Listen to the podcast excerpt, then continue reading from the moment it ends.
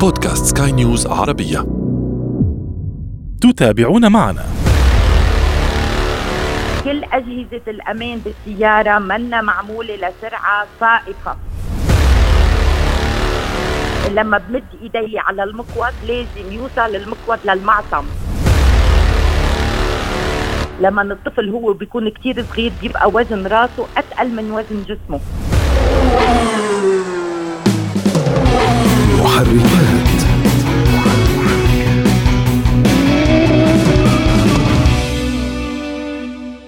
عندما تشتري مركبة حديثة تشعر بالطمأنينة على حياتك حينما تتعرف إلى ميزات الأمان فيها، خاصة عندما تعلم بوجود الكثير من وسائد الهواء المنتشرة، فهل هي الكثير من فرص النجاة أم الكثير من فرص الإصابات القاتلة؟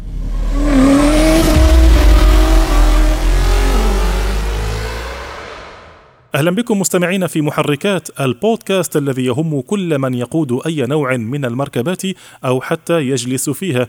نحن هنا نهتم بتقوية ثقافة المركبه لديكم وفي كل حلقة نفتح أحد الملفات ولا نغلقه قبل أن نصل إلى نتيجة وتوصيات أعده وأقدمه لكم أنا أشرف فارس عبر أثير سكاي نيوز عربية.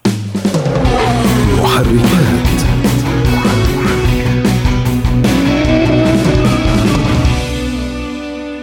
لا تكاد تخلو مركبة من وسائد الهواء الأمامية على أقل تقدير فبطبيعة الحال لا تنحصر أهميتها في إنقاذ أرواح الركاب ولكن حتى في التقليل من الإصابات القاتلة أو الجسيمة خاصة في منطقتي الرأس والصدر. كذلك الحال تقريبا بالنسبة لأحزمة الأمان فدورها مشابه جدا وتكميلي أحيانا لوسائد الهواء. ولكن ماذا لو علمت أن جميع ميزات الأمان هذه يمكن أن تكون قاتلة أحيانا؟ نعم قاتلة. إن لم تتسبب بإصابات جسيمة عكس ما هو منوي أصلا من وجودها. فكيف يمكن أن يكون ذلك؟ وكيف يمكن أن يساء التعامل مع وسائل الأمان في المركبة؟ للحديث أكثر عن هذا الموضوع. تنضم إلينا من لبنان السيدة إلينا جبران نائب رئيس جمعية كن هادي للسلامة المرورية. أهلا بك سيدة إلينا. صباح الخير أهلا فيك. سيدة إلينا الكثير من الناس لا يعرفون كيف تعمل وسائد الهواء؟ طبعا قبل أن ندخل في كيف يمكن أن تكون قاتلة وكيف يمكن أن تكون منقذة دعينا نشرح بشكل سريع ما هي آلية عمل وسادة الهواء؟ أوكي وسادة الهواء مثل ما حضرتك قلت لما بنتعرض لحادث في سنسور بالسيارة. لما بيجي الحادث على السنسور بيجي الأمر لوسادة الهوائية إنها تفتح. آه، ومثل ما حضرتك ذكرت الوسادة الهوائية لما بتفتح بتحمي الصدر وبتحمي الرأس. بس اللي بيحمي الرأس أكثر هو كمان حزام الأمان لأنه هو اللي بيمنع إنه راسنا يضرب بالإزاز كل أجهزة الأمان يلي عم تنحط بالسيارة بتعرف إنه نحن بندفع حقها غالي فلازم نعرف نستخدمها. آه مثل ما كمان حضرتك قلت مثل ما لهم أشياء إيجابية لهم أشياء سلبية. والسيده الهوائية بتفتح بسرعة بتتخطى 300 كيلومتر بالساعة. يعني بتفتح بسرعة جنونية. أوكي؟ ضروري إذا عندنا وسادات هوائيه ومثل ما أنت حضرتك قلت على القليلة بالمقاعد الأمامية ضروري إنه نكون حاطين حزام الأمان لأنه الوسادات الهوائية بلا حزام الأمان فيها تأذي السائق أو اللي قاعد إلى جانب السائق. من هيك السيارات الجديدة آه خلينا نقول ابتداء من العام 2014 ما بقى بتفتح الوسادة الهوائية إذا حزام الأمان منه موضوع. نحن إذا بدنا حماية كاملة نحن بدنا الوسادة الهوائية وحزام الأمان. حتى في آه، بدي أقول شغلة الوسادة الهوائية إذا فتحت ونحن مش حاطين حزام الأمان فيها تكسر ضلع من ضلوعنا. وهالضلع إذا انكسر بيقدر يفوت بالرواية ويوصل للقلب ونموت من نزيف داخلي. فالسائق مش يعتبر إذا هو عنده وسادات هوائية يعني هو بأمان وبيقدر يتخطى السرعة القصوى. ال- كل أجهزة الأمان الموضوعة بالسيارة حتى السنسور لوك يعني القفل ال- اللي بيقفل كل السيارة إذا نحن عملنا حادث بسرعة آه، كتير كبيرة حتى هيدا ال- المفتاح بيتعطل وياما بنشوف حوادث سير آه، قوية بيجي السائق بده يذهب من سيارته بيلاقيها مقفلة كلها. سو بس بدنا نعرف شغلة أجهزة الأمان كان حزام الأمان أو الوسادة الهوائية بيحمونا طالما نحن ماشيين ضمن السرعة القصوى. بعد هيك ما في شيء بيحمينا إلا ربنا وإلا الشيطان بياخذنا. مم. من طيب. الآخر يعني رح أقول لك إياها. طيب. فكل هول هن تيخففوا من الأضرار إنما ما بيحمونا 100% طيب أنا عندي سؤال هنا. كيف لا يمكن أن يحميني 100% أنت قلت أنه يمكن أن يكسر ضلع وربما أيضا أضيف على كلامك يمكن أن يكسر رقبة. صح ما عم بقول لك إذا مش موضوع حزام الأمان. وفتحت الوسادة الهوائية برجع بعيد بتفتح بسرعة بتتخطى 300 كيلومتر بالساعة مثل انفجار صغير بيصير بالسيارة. فدارو ساعتها بهيدي الحالة الوسادة الهوائية فيها تأذي السائق مش تحميه. ف... إضافة لنقطة نعم. الحزام الأمان. فهمنا بأن حزام الأمان لابد أن يكون مشدودا لكي يجذب السائق أو الراكب للخلف قبل أن تصل الوسادة إلى جسمه. لكن إضافة أكيد. لذلك كيف أكيد. يمكن أن تؤثر وضعية الجلوس؟ كيف يمكن أن تؤثر أن يؤثر الطول والوزن برافو مزبوط أول شيء مش الولد. الولد عندنا بلبنان تحت عمر العشر سنين. ممنوع الولد يقعد بالمقعد الأمامي لأنه آه، الوسادة الهوائية فيها تاذيه وفيها تكسره لأنه بيكون بعد عظمه منه قوي. الوضعية هي كثير ضرورية. في كثير ناس بتلاقيهم قاعدين مراجعين المقعد للخلف والظهر نصه نايم لورا وعم بيسوقوا السيارة. بهيدي الوضعية ما في شيء بيحمينا. تنعرف نحن الوضعية الصح يلي لازم نقعد فيها بالسيارة هي لازم لما بمد إيدي على المقود لازم يوصل المقود للمعصم. يعني أنا بكون الوضعية اللي أنا جالسه فيها هي وضعية صالحة لحتى الوسادة الهوائية وحزام الأمان يحموني. okay؟ donc نعم. في قاعدة آه، ضرورية نعرف بنحط المعصم إذا المعصم وصل ل direction السياره للمقود أنا بكون بالوضعية الصح. الإجرين ضروري الإجرين. ليش ممنوع الأولاد يسوقوا السيارة؟ الولد تيقدر يطال دعسه البنزين أو دعسه ال frein بده يمد إجره للآخر. إذا لا سمح الله صار أي حادث وأنت مادد إجرك للآخر في خطر إنه ينكسروا إجريك. من هيك نحن لازم نقعد بوضعية يكونوا إجرينا شوي مطعوجين. آه هيدا بيخفف آه إذا بدك من قوة الضربة لأنه الإجر لما بتكون مطوية بترجع لورا وبترجع لقدام. إنما إذا كانت بوضعية دغري دغري بتنكسر الإجر. فنحن بدنا نقعد المعصم بيجي على المقود وإجرينا شوي مطعوجين لحتى إذا لا سمح الله صار أي حادث نكون نحن بوضعية صح آه، الوساده الهوائية وحزام الأمان هن اللي بيحمونا. طيب ال... بدي أقول شغلة إيه، لحزام نعم. الأمان معلش. أوكي حزام الأمان آه لازم لما نحن بنحط حزام الأمان ما لازم يجي على رقبتنا لازم يجي على كتفنا. فنحن لازم نظبط الوضعية وفي كتير سيارات فيك آه، تظبط آه، وضعية حزام الأمان. قبل ما نطلع بالسيارة بنظبط الوضعية بطريقة إنه حزام الأمان يجي على كتفنا ما يجي على رقبتنا. وهيدا الشيء الغلط كمان للأطفال. نحن بنفكر إنه إذا حطيناه على المقعد الأمامي وحطينا حزام الأمان نحن حميناهم. هيدا غلط. إذا اجى حزام الأمان على الرقبة لا سمح الله إذا حادث سريع بيقدر يقطش الرقبة. وصار هيك حوادث أطفال.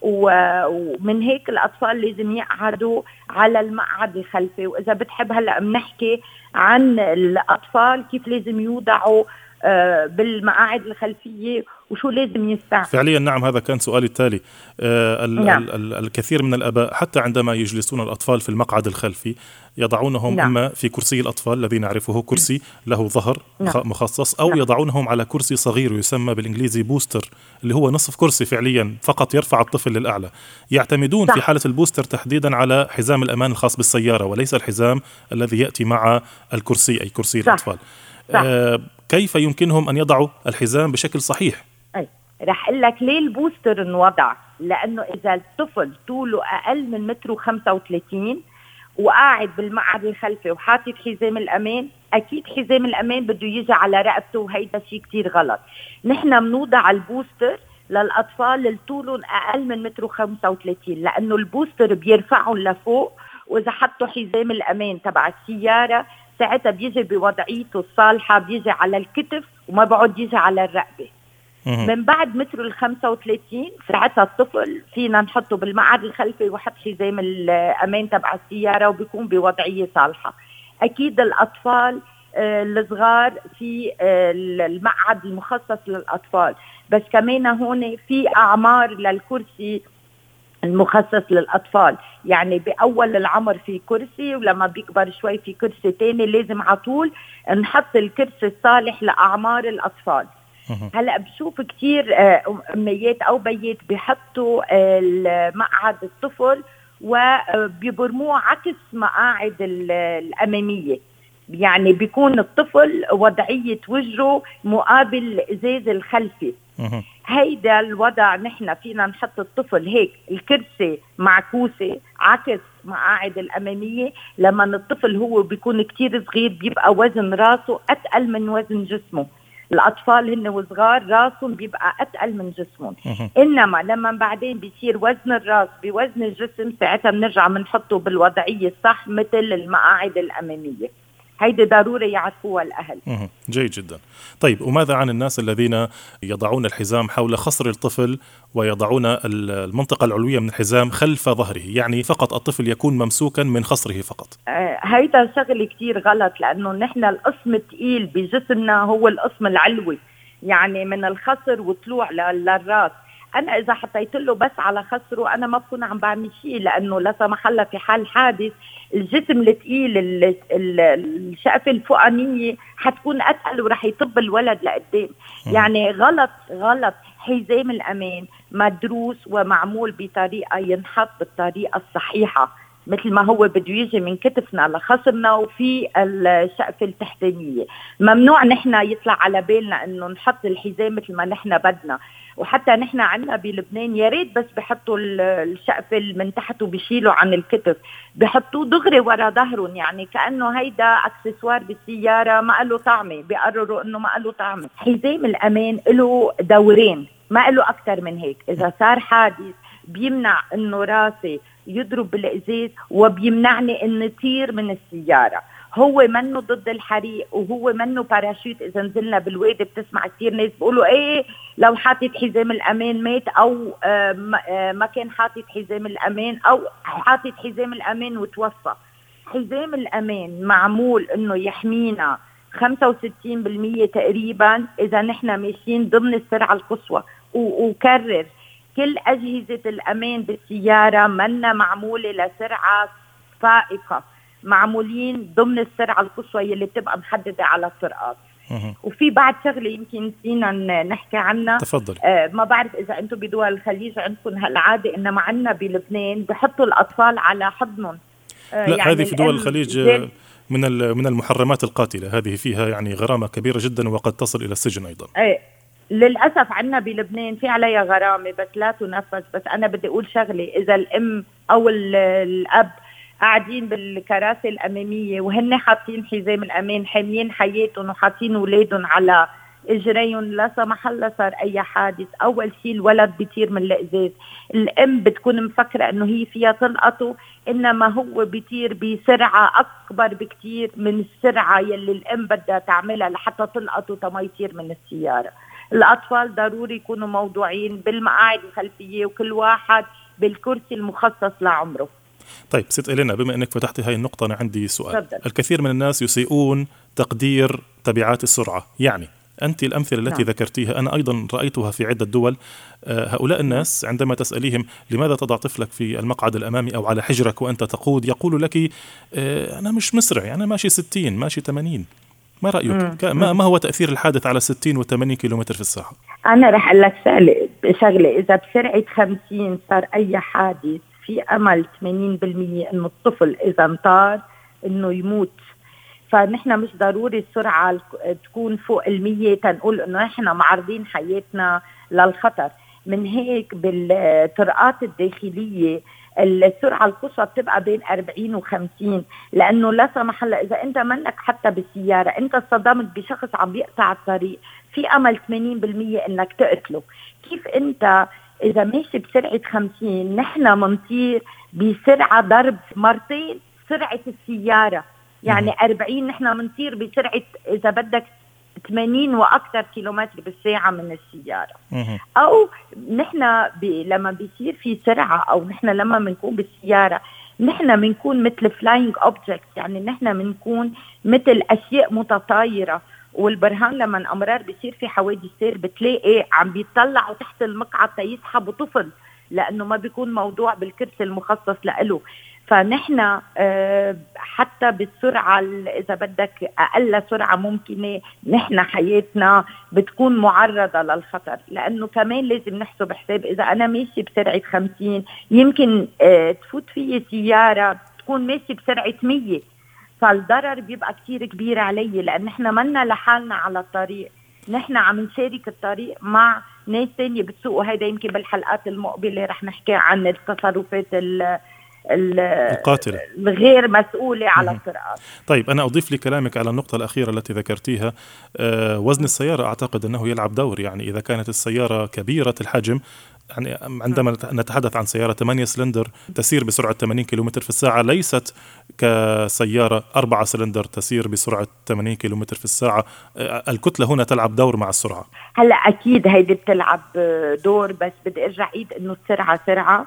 ومش مهم إنه السيارة تكون كبيرة أو تكون صغيرة لازم تكون مستوفية شروط السلامة لازم يكونوا الدواليب صالحين لازم يكونوا الفريمات مضبوطين لأنه هيدا كله آه، بيلعب دور نحن لما نكون عم نسرع على الطريق.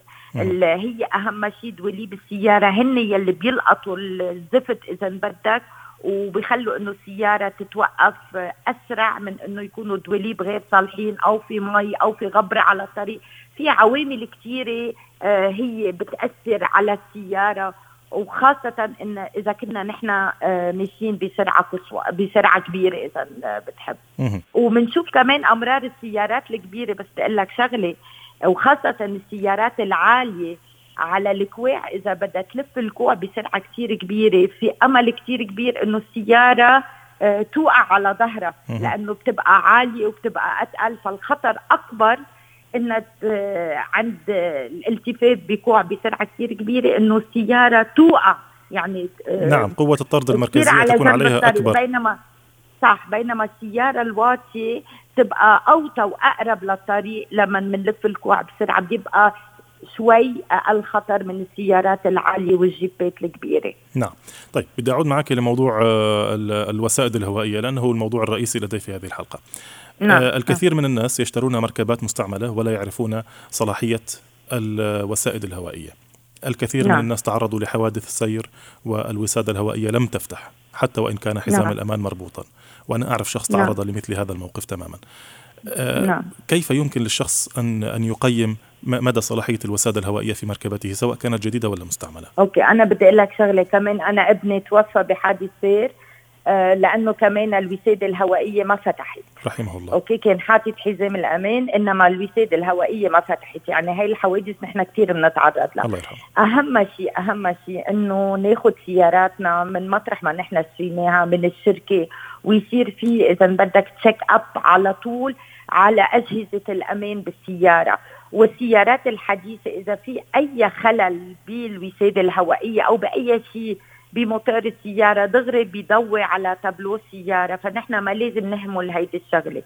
شغلة ثانية إذا تعرضنا لحادث وفتح آه، حزام آه، آه، الوسادة الهوائية وأخذناها نصلحها بالمكان الصح وبالمكان يلي نحن بنوثق فيه. هالوسادة بتتغير كلها. يعني إذا فتح الوسادة الهوائية ما فينا هي ذاتها نرجع نركبها. هيدي خلص تستعمل لمرة واحدة. وساعتها بدها تتغير. فنحن تنتاكد إذا الوساده الهوائية صالحة. أول شيء على التابلو إذا في أي خلل بده يضوي. ما ضوت نحن لما بناخذها للمعاينة أو أي شيء بنطلب إنه يتفقدوا ويشوفوا لنا إذا الوساده الهوائية أو حزام الأمان بيبقوا صالحين. جيد جدا. طيب آه النقطة التي قاطعتك فيها منذ قليل كنت تتحدثين عن بعض العادات السلبية المنتشرة نعم. لدى بعض الشعوب خاصة الشرقية منها. حدثين عن بعض نعم. هذه العادات وعن مخاطرها. إيه العادات العادات السيئة أكيد أنه بحط حزام الأمان آه، خلف ظهره. وفي هلا طريقة جديدة في منهم بيجيبوا مثل قطعة حديدية آه كأنه هو حزام للأمان. وبيشكوها مطرح حزام الأمان بس يمنعوا إنه السياره ما تصير تزمر بتعرف هلأ إذا أنت منك حاطط حزام الأمان بتضل السيارة تنزرك وفي مثل آه زمور, نعم. زمور نعم. أو أو أي صوت بيعطيك حتى يلفت انتباه السائق ويقول له إنه منك حاطط حزام الأمان. ضروري إنك تحط حزام الأمان. هذه القطعة آه، سيدة إلينا يعني للمفارقة تباع في إحدى الدول بما يعادل آه، نصف دولار أو 70 سنتا تقريبا دون ذكر تلك الدولة. آه، تسوى حياتك يعني 70 سنت؟ مضبوط ما هو للأسف آه، بدي أقول لك شغلة نحن الطبيعة البشرية على طول بنفكر إنه الأشياء اللي ما ما بتسوى أو المصايب هي بتحصل للغير وما بتحصل لإلي. أنا قبضاي أنا بعمل control على السيارة أنا بعرف سوق أنا ما بيعرفوا إنه الحادث هو بده ثانية وكلنا معرضين لهيدا الشيء. فهون بيفكروا حالهم إنه هن عم بيتزاكوا على السيارة أو عم بيتزاكوا على اللي اخترع حزام الامان يا عمي هي دراسات صارت إلى سنين طويلة وعم تتطور وعم تتحسن ولو ما هي لحماية الإنسان بالسيارة ما كانوا اخترعوها وما كانوا حطوها. فنحن غريب هالعقلية الشرقية على طول نحن بنفكر حالنا أذكى من الكل. ونحن عم نتذاكى ونحن ما بنعرف مدى الخطورة يلي بنكون عم نعرض حياتنا فيها أو حياة أطفالنا لها يعني م. للأسف ومن هيك للأسف بنشهد كثير حوادث قتولية بهالدول دول الشرق الأوسط أو دول الخليج كمان التوعية يمكن أنا ما بقدر أعرف بالخليج شو عم بيصير إنما صحيح نحن عم نشتغل على التوعية بلبنان إنما ما بقدر أقول لك قديش بدها الناس كثير نغير من ذهنيتها. والنقص اللي عنا إياه بلبنان هو التلكؤ بتطبيق القوانين بدول الخليج ما حدا بيسترجي عم شيء بيعرف إنه القانون صارم. هي هي عمليه. هي عملية قناعة ذاتية سيدة إلينا. برأيي الشخصي هي عملية هي قناعة أكيد. ذاتية لدى الأفراد إذا كان الشخص مقتنعا. يعني أنا أعرف في إحدى الدول الأوروبية آه، يقولون لي لا تقريبا ليس لدينا حوادث سير يعني الناس تقريبا ملتزمين. لكن إذا صار عندنا حادث بيكون حادث في موت مباشرة لأنه اللي بتسبب عنا بحادث بيكون شديد الجنون. فبيعمل شيء مثلا بموسم شتاء موسم ثلج. وبسرع على منعطف زي ما انت كنت تقولي وممكن يتسبب بقتل أحدهم أو قتل نفسه. طيب آه، سيدة إلينا في الدقيقة الأخيرة لو إيه، إيه. سمحتي. على السريع على السريع. ما في بلد بالعالم وصلت نسبة الحوادث السير فيه للصفر أنت حضرتك عم تقلي قناعة زي آه، ذاتية. مزبوط إنما أنت ما فيك تقنع كل الناس. يلي بيردع يلي ما بده يقتنع هو تطبيق القانون بحزم هي بكل دول العالم. صحيح 100% الوقت قد قارب على الانتهاء لكن عندي آه تعليق تذكرته الآن.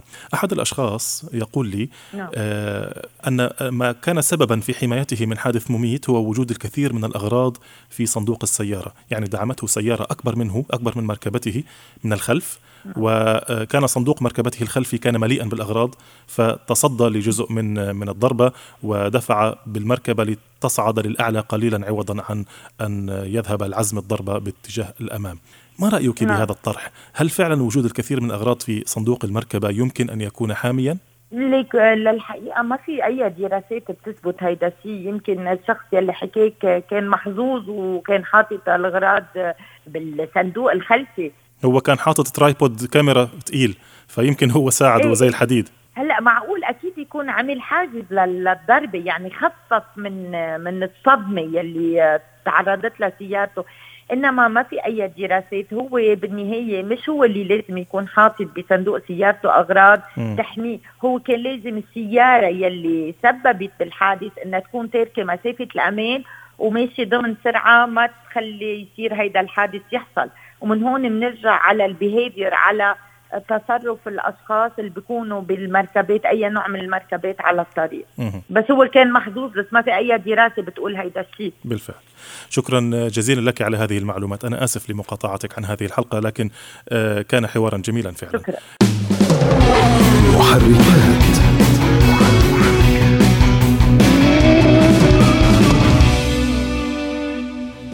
كنت معنا اليوم من لبنان السيدة إلينا جبران نائب رئيس جمعية كن هادي للسلامة المرورية.